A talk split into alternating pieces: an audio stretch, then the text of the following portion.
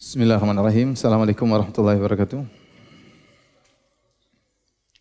Alhamdulillahi ala ihsanih wa syukru lahu ala taufiqi wa amtinani wa asyhadu an la ilaha illallah wahdahu la syarika lahu ta'ziman li sya'ni wa asyhadu anna Muhammadan abduhu wa rasuluhu da'ila ridwani. Allahumma salli alaihi wa ala alihi wa ashabihi wa ikhwani. Hadirin dan hadirat yang dirahmati Allah Subhanahu wa taala. Kita lanjutkan bahasan kita dari tafsir juz amma. Kita sampai pada surat Abasa. Abasa berarti bermuka masam ya, bermuka masam. Surat ini dikategorikan oleh para ulama sebagai surat Makkiyah karena turun ketika Nabi SAW sebelum berhijrah di awal-awal dakwah Nabi Shallallahu Alaihi Wasallam. Dan surat ini sebagaimana surat-surat Makkiyah yang lain juga e, masih menyebutkan tentang permasalahan hari kiamat terutama di penghujung ayat, di penghujung surat. Allah mengingatkan tentang akan adanya hari kiamat yang Allah mengatakan hari tersebut dengan nama As-Sakhah yaitu tatkala ditiupkan suara suara yang sangat kencang yang memekikkan telinga. Itu ditiupkannya sangkakala. Eh, adapun sebab turunnya surat Abasa adalah sebagai teguran teguran dari Allah Subhanahu wa taala kepada Nabi Muhammad sallallahu alaihi wasallam yang berpaling dari Abdullah ibn Ummi Maktum. Ibnu Ummi Maktum radhiyallahu anhu adalah seorang sahabat yang buta. Ya, jadi satu hari ketika Nabi SAW sedang berdakwah kepada pembesar-pembesar Quraisy, eh, ada yang mengatakan besar-besar Quraisy tersebut Utbah bin Rabi'ah, ada yang mengatakan Abu Jahal bin Hisham, ada yang mengatakan Abbas bin Abdul Muttalib, dan ada yang mengatakan Umayyah bin Khalaf, ada yang mengatakan juga Ubay bin Khalaf. Intinya ada sekelompok pembesar-pembesar Quraisy yang Nabi ingin sekali mereka dapat hidayah. Karena kalau mereka dapat hidayah, maka biasanya anak buahnya pada ngikut. Dan ini salah satu metode Nabi dalam berdakwah yaitu Nabi mendatangi para pembesar-pembesar. Karena secara logika kalau pembesar-pembesar masuk Islam maka biasanya anak buahnya pada pada ngikut ya. Dan ini metode Nabi SAW. Makanya Nabi tatkala berdakwah mendatangi pembesar-pembesar Quraisy. Demikian juga tatkala Nabi di Taif. Nabi mendatangi pembesar-pembesar Taif. Meskipun Nabi akhirnya diusir demikian juga tatkala Nabi berhaji setiap musim haji maka Nabi SAW mendatangi pembesar-pembesar orang-orang musyrikin yang sedang melaksanakan ibadah haji untuk Nabi dakwahi. Bahkan Nabi SAW memberikan zakat kepada pembesar-pembesar musyrikin yang diharapkan mereka bisa masuk masuk Islam. Nabi berikan zakat. Ini metode Nabi SAW dan ini metode yang benar. Kita beri uh, beri waktu untuk mendakwahi para pembesar-pembesar. Karena kalau para pembesar-pembesar tersebut masuk Islam atau dapat hidayah, maka di belakang mereka ada banyak orang yang akan biasanya ngekor kepada pemimpin-pemimpin mereka. Namun yang jadi masalah, waktu Nabi SAW sedang mendakwahi para pembesar-pembesar tersebut, datang Ibnu Umi Maktum. Ibnu Umi Maktum radhiyallahu anhu adalah seorang yang buta, dia tidak melihat. Dia tidak melihat dan dia tidak tahu Nabi SAW ya sedang sibuk mendakwahi para pembesar-pembesar. Maka dia pun datang kepada Nabi SAW sementara Nabi sedang berdakwah. Kemudian uh, dia mengatakan, Ya Rasulullah arsyidni. Ya Rasulullah berilah petunjuk kepadaku. Waktu Nabi sedang sibuk berdakwah, tahu-tahu datang Ibnu Maktum, maka Nabi pun berpaling darinya dengan berwajah masam. Seakan-akan Ibnu Maktum mengganggu konsentrasi Nabi yang sedang mendawi para pembesar-pembesar Quraisy. Waktu Nabi berpaling, maka datanglah teguran Allah Subhanahu wa taala dalam firman-Nya abasa wa tawalla. Dia bermuka masam dan dia berpaling. Allah langsung tegur Nabi sallallahu alaihi wasallam. Inilah sebab nuzulnya turun surat abasa wa tawalla yang artinya abasa wa tawalla dia bermuka masam dan berpaling. Bermuka masam itu mengkerut dahinya, itu namanya abus, ya. Abasa wa tawalla. Jadi Nabi ngelihat dengan wajah bermuka masam, kemudian dia berpaling. Subhanallah. Surat ini turun kepada Nabi SAW. Tidak ada yang tahu kecuali Nabi SAW. Bahkan Ibnu Umi Maktum saja enggak tahu. Apakah dia tahu wajah Nabi bermuka masam? Dia tidak tahu, dia tidak lihat. Apakah dia tahu Nabi berpaling? Dia pun tidak tahu. Jadi Nabi bermuka masam, Nabi berpaling, dia tidak tahu. Tapi Allah Maha Maha tahu. Maka Allah Subhanahu wa taala langsung menegur Nabi sallallahu alaihi wasallam dengan firman-Nya, "Abasa wa tawalla." Dia bermuka masam dan berpaling. Kapan anja ahul a'ma? Tatkala datang kepadanya seorang yang buta. Di sini Allah menyebutkan, artinya ini orang buta, butuh perhatian, ya. Meskipun dia buta, dia semangat untuk ilmu. Jadi Allah tegur, Allah sebutkan al-a'ma. Ada orang buta datang, mestinya kau perhatikan.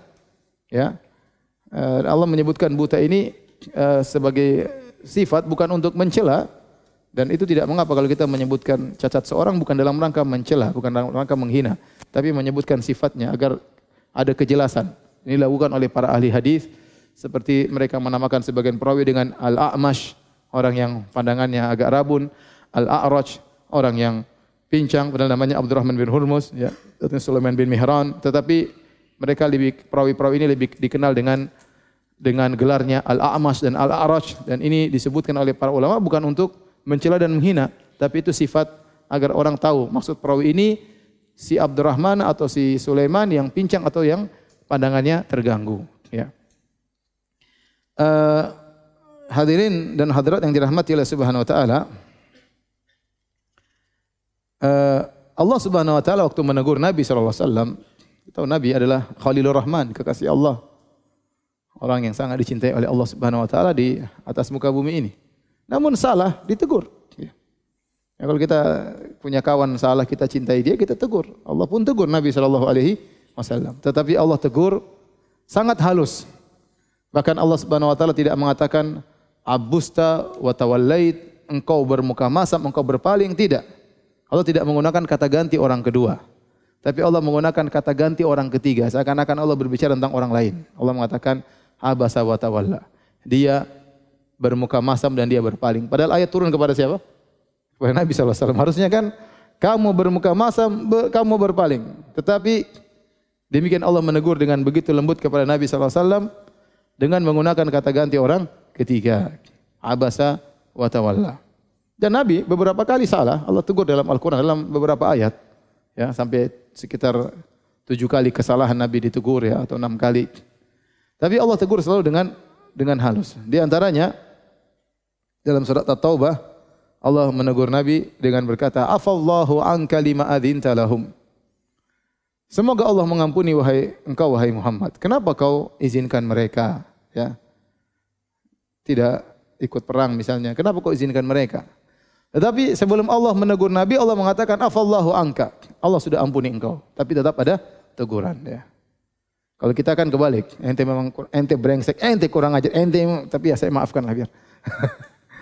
Allah mengedepankan pemaafan agar Nabi ya tahu bahwasanya Allah sayang kepada Nabi. Maka Allah mengatakan afallahu angka. Kau sudah diampuni Muhammad, tetapi tetap harus ditegur. Kenapa kau izinkan kepada pada mereka? Ya ini di antara metode Allah Subhanahu wa taala menegur Nabi sallallahu alaihi wasallam dengan cara yang selembut-lembutnya. Kemudian uh, kata Allah Subhanahu wa taala, "Wa ma yudrika la'allahu yazakka." Tahukah kamu barangkali dia ingin bersihkan dirinya dari dosa? Ini tentang Ibnu Umi Maktum. Dia datang, ya. Mungkin dia ingin bersihkan dirinya. Au yadzakkaru fatanfa'uhu dzikra. Atau dia mendapatkan pengajaran dan itu memberi manfaat kepadanya. Oleh karenanya, orang yang datang semangat ingin menuntut ilmu, kalau kita tidak ada halangan, maka kita uh, apa namanya? Beri waktu untuk dia ya. Dia sudah semangat. Sampai Ibnu Maktum datang mengatakan arsyidni ya Rasulullah berilah petunjuk kepadaku. Ya tapi Nabi berpaling. Nabi lagi sibuk sama orang-orang pembesar-pembesar tersebut. Allah tegur amma man istaghna fa anta lahu tasadda. Adapun orang yang sudah merasa cukup merasa tidak butuh hidayah engkau semangat untuk untuk memberi petunjuk kepadanya. Ya. Wa ma alaika alla yazakka wahai Muhammad kalau orang yang sombong tersebut tidak dapat hidayah bukan urusanmu enggak ada masalah Kau berusaha, tapi kalau dia tidak, ya kafir nggak ada masalah kata Allah. Ma alaika alla yazakka. Bukan kewajibanmu untuk membuat dia dapat hidayah. Kalau dia tidak dapat hidayah nggak ada masalah. Wa amma man ja'aka yas'a. Adapun yang datang kepadamu dengan segera wa huwa yakhsha dalam kondisi takut kepada Allah Subhanahu wa taala, fa anta anhu talaha. Justru kau berpaling darinya. Ini uh, ini salah Nabi dalam hal ini salah. Jadi saya perlu perhatikan, yang antum perlu perhatikan di sini. Nabi SAW metode yang ditempuh Nabi tidak salah. Memberi uh, perhatian kepada para pembesar, kepada orang-orang kaya, sebagaimana saya sebutkan, Nabi sering melakukan demikian. Tetapi kesalahan di sini bukan Nabi berdoa kepada orang kaya, bukan. Tetapi kesalahan Nabi di sini berpaling dari si miskin yang semangat datang sementara fokus kepada orang kaya yang masih kafir yang tidak mau dengar pengajian. Paham? Jadi Nabi mau kasih pengajian dia nggak mau orang-orang kaya itu sombong. Amma manista karena dia merasa cukup. Tapi Nabi berusaha. Nabi mungkin punya ide ini orang kaya dapat hidayah yang belakang anak buahnya akan ikut. Ibnu Maktum kan sudah jelas Islam. Ini yang belum Islam mau saya kasih apa? Hidayah. Itu semua itu semua mungkin ijtihad Nabi, tetapi salah. Tetapi apa? Salah. Ya. Jangan sampai disalahpahami, mengatakan tidak boleh mendakwahi orang kaya. Lihat, Nabi dakwahi orang kaya akhirnya ditegur loh, jangan. Emang yang masuk surga cuma orang miskin aja? Orang kaya nggak boleh masuk surga? Orang kaya juga butuh masuk surga. Ya. Jadi dakwah harus universal kepada siapa aja. Miskin kita dakwahi, yang kaya kita dakwahi, di kota kita dakwahi, di kampung kita dakwahi, di pulau kita dakwahi, di mana-mana kalau kota-kota besar kita dakwahi, ya. Tidak hanya terfokus pada golongan tertentu, kepada strata tertentu, pengajian hanya untuk orang kaya doang misalnya. Enggak, dakwah tidak demikian dakwah untuk semuanya, dakwah untuk semuanya. Ya. Yang kaya kita dakwah, yang miskin juga kita dakwah. Maka ini ditegur oleh Allah Subhanahu wa taala, kata Allah Subhanahu wa taala, fa anta anhu talaha. Justru engkau berpaling dari orang yang sudah semangat datang kepadamu. Di sini Ibnu Maktum Allah sebutkan sifatnya ja'aka yas'a wa huwa yakhsha. Tiga sifat. Dia yang datang Inilah ada penuntut ilmu. Fa amma man ja'aka, dia yang datang kepadamu. Yas'a, semangat berusaha. Wa huwa yakhsha dalam kondisi takut kepada Allah Subhanahu wa taala. Orang penuntut ilmu seperti itu ya. Datang semangat ya. Duduk paling depan gitu kan. Kemudian dalam kondisi takut kepada Allah, niatnya ikhlas karena Allah Subhanahu wa taala, itu penuntut ilmu yang yang benar. Tidak semua, antum sekarang yang hadir banyak, tidak semua pahalanya sama. Tidak semua pahalanya sama. Allah Maha tahu mana yang semangat, mana yang di luar, mana yang mencatat, mana yang dengar, mana yang menyimak, mana yang mana yang mengulangi. Waktu yang antum tempuh sama. Saya pengajian setengah jam atau 40 menit sama semuanya antum rasakan 40 menit. Tapi pahala beda-beda. Sama seperti orang sholat. Yang sholat juga sama, tapi pahalanya beda-beda.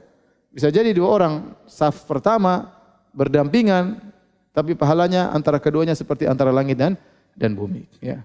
Karena kalau untuk ilmu yang serius kita niatkan untuk takut kepada Allah Subhanahu Wa Taala dan kita semangat ya kita yang mendatangi guru dan berusaha sebagaimana Ibnu Umi Maktum Allah sebutkan tiga sifatnya amma man ja'aka dia yang datang kepadamu wa huwa yas'a atau ja'aka yas'a dan dalam kondisi semangat berusaha wa huwa yakhsha dan dia takut kepada Allah Subhanahu wa taala namun engkau malah berpaling kepada darinya Subhanallah.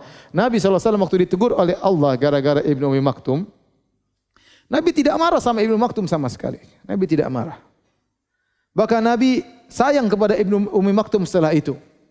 Karena gara-gara Ibnu Umi Maktum, Nabi salah ditegur oleh Allah Subhanahu wa taala. Ini bentuk Allah sayang kepada Nabi. Makanya setiap Nabi salah langsung ditegur oleh Allah. Kalau kita sayang sama anak kita kan salah kita tegur atau tidak? Ditegur, bukan kita cuekin. Kalau kawan sejati, kawannya salah dia tegur.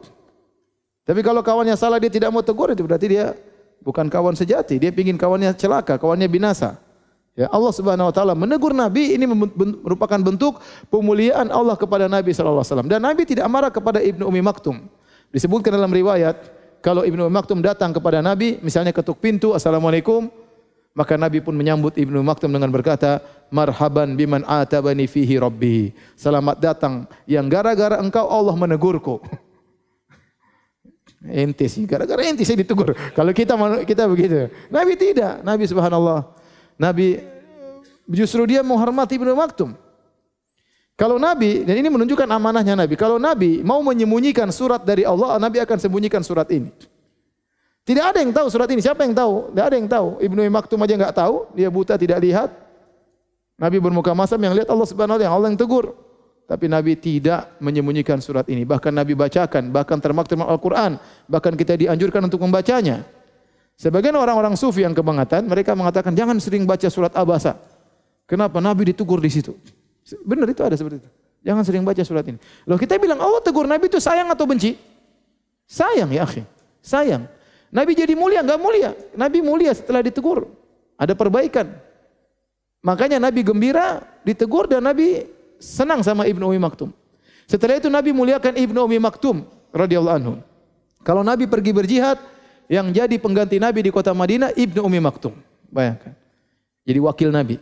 Padahal dia buta, tidak bisa melihat. Kenapa? Tidak lain adalah untuk memuliakan siapa? Ibnu Umi Maktum. Ini orang ini pernah punya jasa kepada saya, saya ditegur oleh Allah gara-gara gara-gara dia. Itulah bedanya kita dengan siapa? Nabi sallallahu alaihi wasallam. Kalau kita gara-gara ente, saya ditegur sama bos. Ente sebabnya ente. Mungkin kita dendam nggak lupa-lupa ya. Nabi SAW, Nabi SAW justru menghormati Ibnu Maktum. Kemudian juga Nabi memberikan dia tugas yang bagus, tugas mulia, yaitu jadi tukang azan. Tukang azan yang sholat subuh lagi. Sholat subuh harus lihat fajar. Sementara Ibnu Maktum tidak bisa apa? tidak bisa lihat. Tapi Nabi muliakan dia. Tenang, nanti ada yang kasih tahu dia. Fajar sudah terbit, fajar sudah terbit, baru dia azan. Kenapa? Karena muadzin itu pahalanya besar. Sampai para ulama khilaf mana yang lebih afdal, muadzin atau imam. Sebagian ulama mengatakan imam yang lebih afdal, sebagian ulama mengatakan muadzin lebih afdal. Karena dia yang memanggil orang, orang semua datang dan dapat pahala. Besok saya mau azan. Benar ini sampai khilaf. Mana yang lebih utama, muadzin atau apa? Atau imam. Ya. Sebagian ulama mengatakan imam lebih afdal, Sebagian ulama mengatakan muadzin lebih afdal karena suaranya yang menggerakkan orang-orang akhirnya datang menuju ke masjid dan dia mendapat pahala banyak sekali. Makanya kata Nabi wasallam, "Innal muadzinina atwalu nasi a'naqan yaumal qiyamah." Orang para muadzin pada hari kiamat paling tinggi, lehernya panjang, kelihatan dari jauh. Karena mereka selalu mengumandangkan, meninggikan kalimat Allah, maka mereka ditinggikan pada hari kiamat. Intinya Nabi SAW memuliakan Ibnu Maktum, dijadikan kalau Nabi pergi maka dia jadi pengganti Nabi di kota Madinah. Kalau azan maka dia ditugaskan untuk mengumandangkan azan padahal beliau radhiyallahu anhu adalah orang yang cacat tidak bisa melihat. Baik. Sudah ya? Hah? Sudah ya? Sudah? Itu baca Quran lah. Sudah aja ya? Hah? Sudah berapa menit? Hah? 15 menit? Kalla innaha tadhkirah. Kalla innaha tadhkirah. Kalla bisa dua artinya dalam tafsir. Bisa artinya sekali-sekali tidak, bisa artinya hakon. Tergantung kalimat sebelumnya. Hakon artinya sungguh benar. Kala itu dalam bahasa Arab bisa dua makna. Terkadang artinya sekali-sekali tidak. Tidak benar. Ya. Seperti firman Allah Subhanahu Wa Taala apa namanya? Uh, Amal insanu idza mabtalahu rabbuhu fa akramahu wa na'amahu fa yaqulu rabbi akraman wa amma idza mabtalahu fa qadara alaihi rizqahu fa yaqulu rabbi ahanan. Kalla. Adapun manusia kalau dia diberi kenikmatan oleh Allah, diberi kekayaan, maka dia mengatakan Allah telah memuliakan aku. Adapun jika Allah mengujinya, lantas Allah menyempitkan rezekinya, dia berkata Allah telah menghinakan aku. Maka Allah bantah. Kalla. Artinya apa? Benar atau sekali-sekali tidak? Benar atau sekali-sekali tidak? Sekali-sekali tidak. Karena bukan begitu. Allah memuliakan atau menghinakan orang bukan dari rezeki, bukan dari duit, bukan dari harta. Itu barometernya orang kafir. Merasa kalau duit banyak berarti dimuliakan Tuhan. Kalau duit enggak punya berarti dihinakan Tuhan. Kata Allah, kalla sekali-sekali tidak demikian. Bukan begitu ukuran Allah adalah inna akramakum indallahi atqakum. Yang paling mulia di sisi Allah yang paling bertakwa. Terkadang maknanya haqqan, benar berdemikian. Ya. Ya, seperti dalam ayat ini, kalla innaha tadhkirah. Ini bisa ahli tafsir khilaf, ada yang mengatakan kalla di sini artinya sekali-sekali kembali kepada ke perbuatan Nabi, ya Rasulullah, sekali-sekali jangan begitu. Bukan begitu cara berdakwah. Seakan-akan Allah mengatakan demikian. Caramu dengan uh, cuek kepada Ibnu Maktum itu salah. Kalla sekali-sekali tidak. Innaha tadhkirah sungguhnya ini peringatan. Ini uh, tafsiran pertama. Tafsiran kedua, kalla artinya haqqan. Ya, sungguh benar Al-Qur'an itu adalah apa? Peringatan. Bahwasanya ayat-ayat ini adalah peringatan, sungguh-sungguh peringatan bagi kalian wahai orang-orang yang membaca Al-Qur'an. Ini ada khilaf di kalangan para tafsir. Tergantung kita uh, menafsirkan dengan cara yang mana. Kata Allah, "Faman syaa'a dzakarah." Ya. Barang siapa yang menghendaki, tentu ia akan memperhatikannya, ya. Ada peringatan dari Allah. Yang ingin mendapat petunjuk, silakan. Yang tidak mau, silakan. Ya, Allah kasih petunjuk. Yang memilih petunjuk silakan, yang enggak mau silakan. Pilihan di tangan kita. Kita memilih. Makanya Allah mengatakan, "Faman syaa'a falyu'min wa man syaa'a falyakfur." Barang siapa yang ingin maka beriman, barang siapa yang tidak ingin silakan kafir kata Allah Subhanahu wa taala. Allah tidak butuh dengan keimanan kita dan Allah tidak rugi dengan kekufuran kita. Semua keimanan kekufuran kembali kepada kepada kita sendiri. Wa may yashkur fa inna ma yashkuru li nafsih. Barang siapa yang bersyukur, beribadah, maka itu kembali kepada dirinya sendiri. Dia berterima kasih kepada dirinya sendiri. Maka dalam hadis kata Allah Subhanahu wa taala, "Ya ibadi, law anna awwalakum wa akhirakum wa insakum wa jinnakum kanu ala atqa qalbi rajulin wahidin minkum ma zada fi mulki syai'a." Wahai hamba-hambaku, kalau kalian dari awal dari Adam sampai terakhir sampai manusia terakhir di hari kiamat kelak Semuanya hatinya seperti hati orang paling bertakwa di alam semesta. Semuanya seperti Nabi Muhammad sallallahu alaihi wasallam. Jin manusia semuanya seperti Nabi Muhammad sallallahu alaihi wasallam. Semuanya seperti Jibril. Kata Allah, "Ma zada fi mulki syai'a." Tidak akan menambah kekuasaanku sama sekali. Enggak ada. Itu kembali pada kalian. Sebaliknya kata Allah Subhanahu wa taala, "Lau anna awwalakum wa akhirakum wa insakum wa jinnakum kanu ala afjari qalbi rajulin wahidin minkum mana qasamin mulki syai'a. Seandainya kalian dari awal sampai akhir, jin dan manusia, semuanya hatinya seperti Firaun, semuanya seperti iblis, tidak akan mengurangi kekayaan Allah sama sama sekali. Jadi Allah suruh milih terserah ente, beriman silakan, mau kufur silakan. Kalian akan merasakan sendiri ya. Faman syaa'a falyu'min, faman syaa'a falyakfur. Faman yashkur fa innamal yashkur nafsi. Ya, faman kafara fa in faman kafara fa inna rabbi ghaniyyun karim. Barang siapa yang kufur, Allah Maha Kaya. Kata Allah Subhanahu wa taala, ya, fi suhufim mukarramah. Dalam lembaran-lembaran yang dimuliakan. Ada yang mengatakan lembaran-lembaran ini maksudnya adalah Lauhil Mahfuz. Peringatan tersebut sudah tercatat di Lauhil Mahfuz ya. Yang atau ada yang mengatakan kepada kitab-kitab suci ya bahwasanya peringatan tentang iman, tentang ketakwaan bukan cuma terdapat dalam Al-Quran, tetapi juga terdapat di kitab-kitab suci terdahulu. Ini sebagian tafsiran.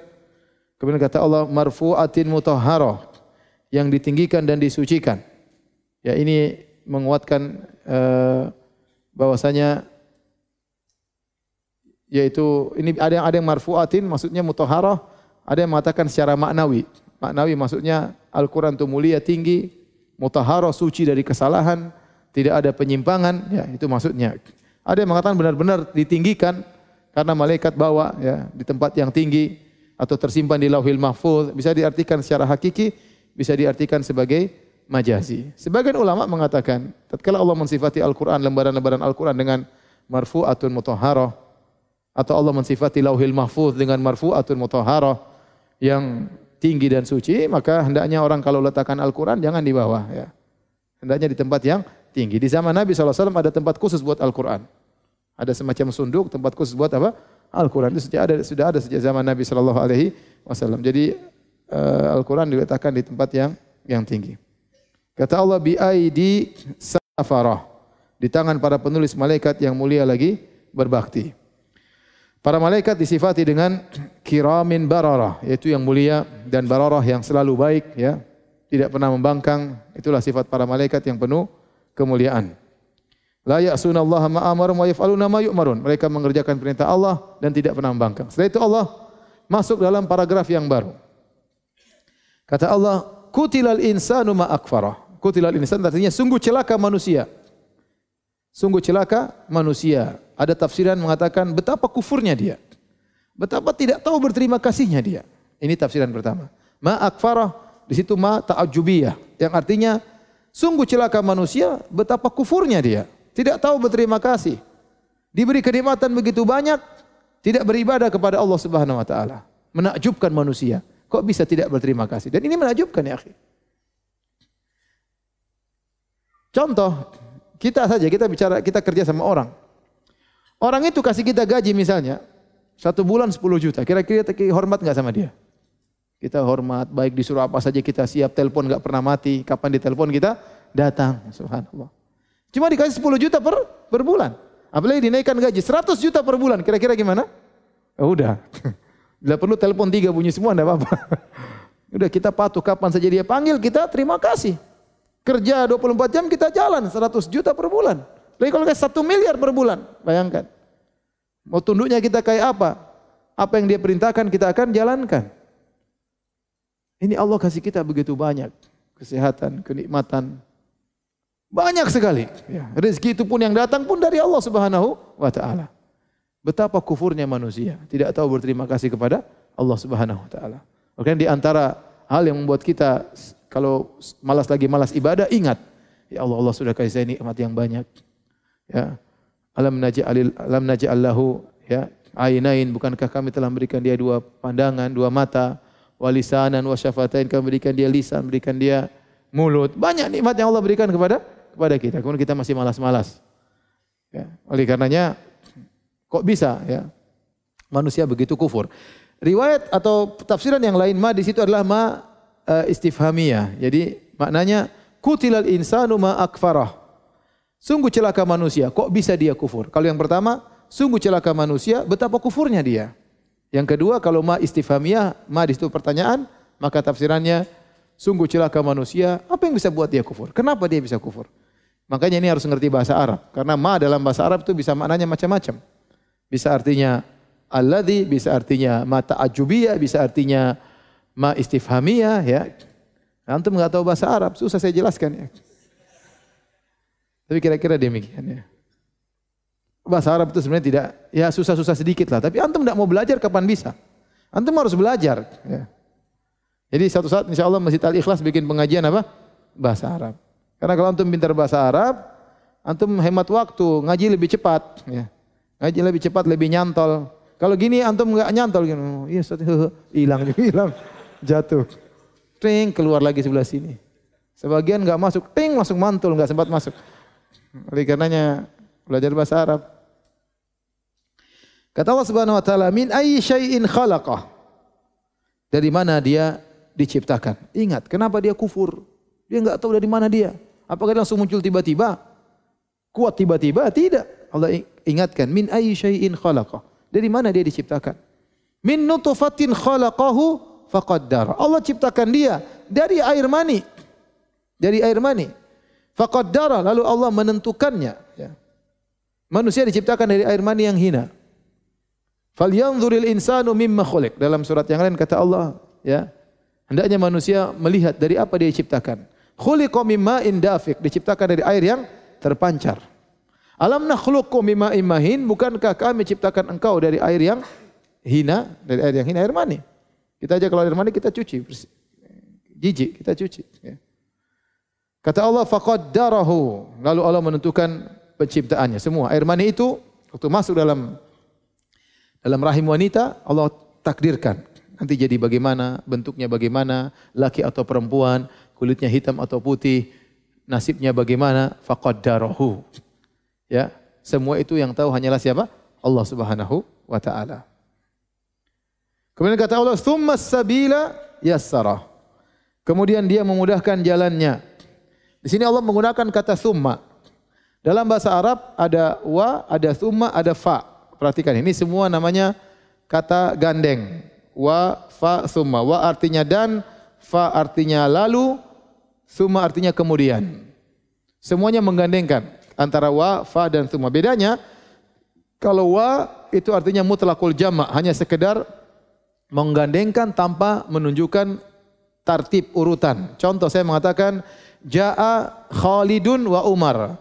Telah datang Khalid dan Umar. Maka telah datang Khalid dan Umar. Siapa yang di luar saya enggak tahu. Pokoknya Khalid dan Umar sudah apa? Datang. Maka saya menggunakan wa. Tidak mesti saya bilang Khalid dan Umar berarti Khalid lebih dulu, enggak mesti. Ya, makanya dalam Al-Quran juga banyak. Kalau Allah menyebutkan tentang kaum-kaum yang kufur, Allah terkadang tidak mengurutkan sesuai dengan zaman. Ya. Ini wa, sekedar menggabungkan. Kalau saya mengatakan telah datang Khalid dan Umar, berarti dua-duanya telah datang, entah siapa yang di luar datang. Tidak ada disebutkan dengan wa.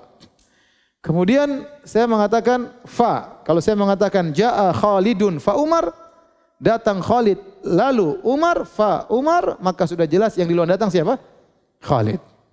Setelah semua lalu Umar. Tetapi antara Khalid dan Umar tidak ada jeda, langsung. Saya gunakan fa.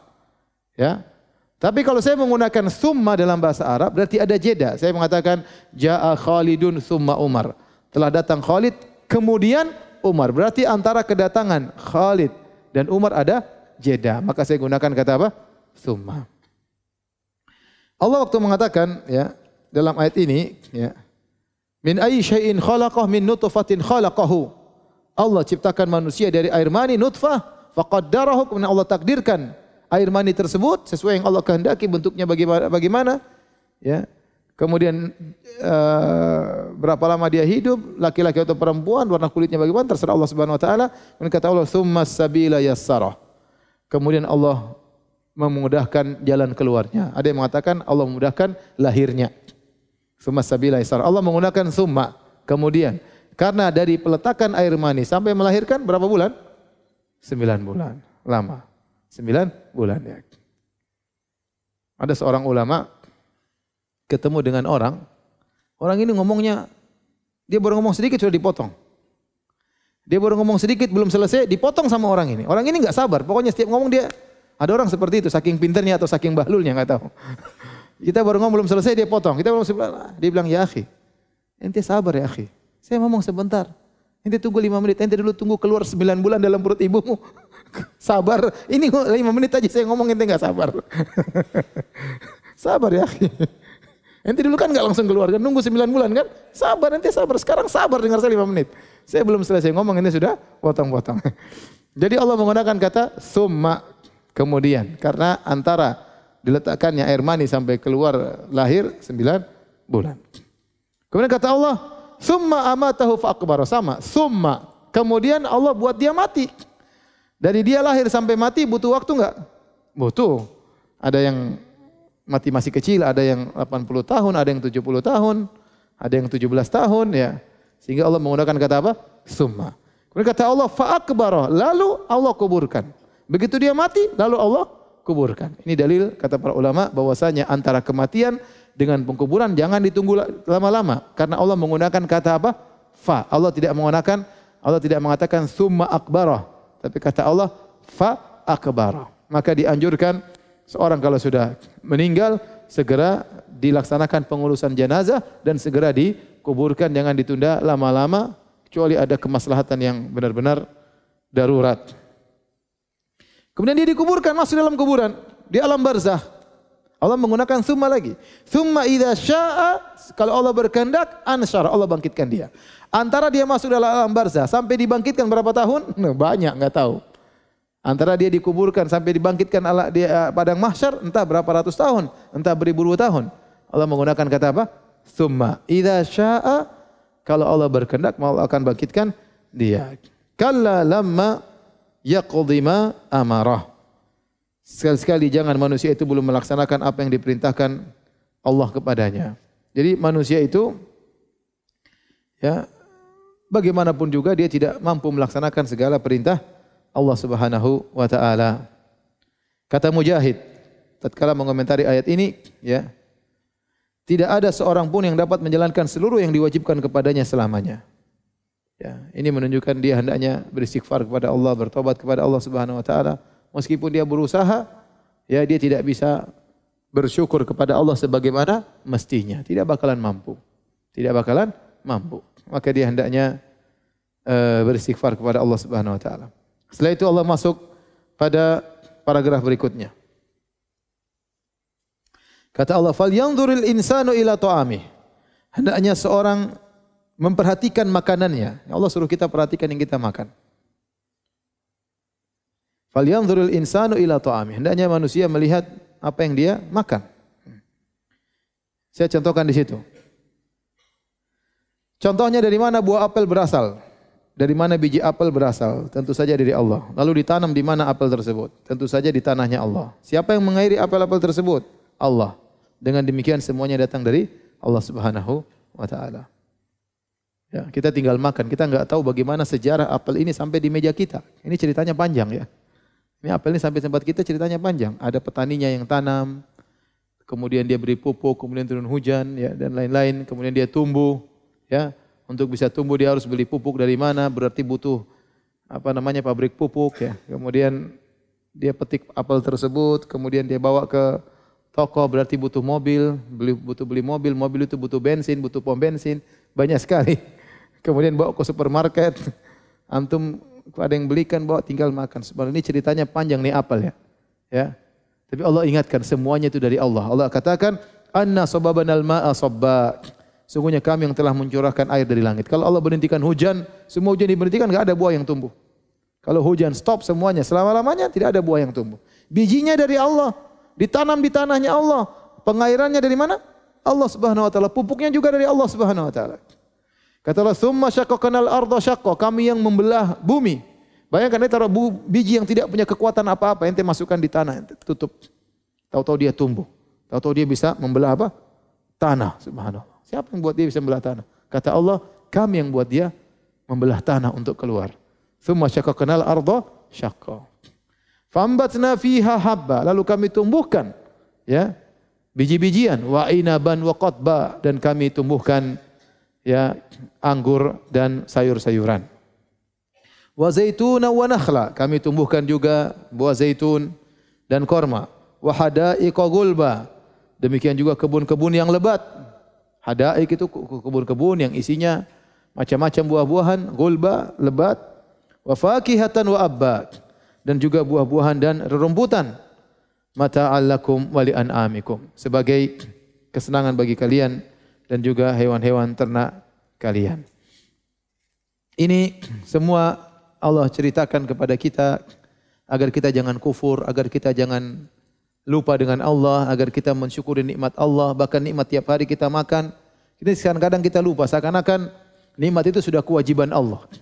Kenapa kita demikian? Karena tiap hari kita rasakan. Seorang itu baru merasakan kenikmatan tatkala hilang baru dia rasa. Tapi karena tiap hari kontinu kita selalu makan, selalu makan seakan-akan ya sudah itu sudah tugasnya Allah kasih makan kita. Sehingga kita lupa kalau itu nikmat harusnya kita syukuri. Nah, sekarang terkadang orang sakit, seorang sakit baru dia tahu betapa besar nikmat kesehatan. Kadang dia terhalang dari makanan, lapar, dia tahu berapa betapa besar nikmat makanan. Ya. Dalam tubuh kita ini banyak sekali kenikmatan yang berjalan setiap hari, yang terkadang kita lupa untuk mensyukurinya. Maka Nabi SAW mengingatkan, bukan kata kita dianjurkan untuk sholat duha. Kenapa? Karena setiap sendi di tubuh kita ini harusnya kita syukuri. Setiap kita bangun tidur ada ratusan sendi yang enak, yang membuat kita bisa bergerak, itu yang kata Nabi harus kita syukuri cukup dengan sholat dua rakaat. Agar kita ingat bahwasanya setiap pagi kita dapat kenikmatan. Ya. Kenikmatan ini bisa saja bisa jadi suatu saat Allah hentikan. Bisa jadi suatu saat Allah apa? Cabut. Namun karena seringnya kita dapat nikmat tiap hari tanpa berhenti-berhentinya, seakan-akan kita lupa itu suatu nikmat yang selalu tiap tiap saat datang yang baru, datang yang baru. Orang terkadang kalau kita sudah baikin dia, tiap hari kita kasih dia duit, kasih duit, dia sudah dia lupa kalau itu dia lupa tuh kalau itu bukan hak dia, dia lupa itu kebaikan. Sekali-sekali ente berhentikan baru kemudian dia, yo bos, bos. Kemarin nggak bos-bos, karena tiap hari kita kasih dia kayaknya sudah tugasnya bos. Kira-kira begitu. Kira-kira gitu. Nah, kita itu begitu. Karena tiap hari kita dapat kenikmatan, seakan-akan kita lupa ini dari Allah Subhanahu wa taala. Allah bisa dicabut kenikmatan. Lihat berapa orang berapa banyak kaum muslimin di negeri-negeri yang lain dicabut kenikmatan tersebut. Nikmat keamanan dicabut. Mereka kelaparan sampai harus makan anjing, ya. Mereka ketakutan, ya. Di antara mereka ada yang berpuasa entah sahurnya apa, entah bukanya apa. Di antara mereka ada yang lebaran dengan mendengar letupan senjata. Kita alhamdulillah. Tapi kita sering lupa, makanya Allah ingatkan, "Falyanzuril insanu ila ta'am." Pertama lihat dirinya dulu, kamu itu siapa? Kamu harus syukur, kamu dulu kedua air mani. Enggak punya nilai apa-apa, hina dibuang, dicuci, kalau dikasih sabun dibuang.